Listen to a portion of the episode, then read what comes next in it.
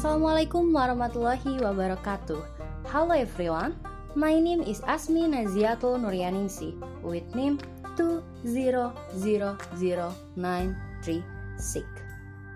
On this occasion, I will ask the member of Group 7 about the discussion of good and smart citizens.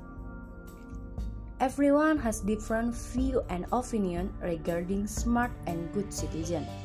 Actually, what are the benchmark so that someone can decide to be a good and smart citizen? And what are the most prominent characteristic of good and smart citizen? Thank you. Wassalamualaikum warahmatullahi wabarakatuh.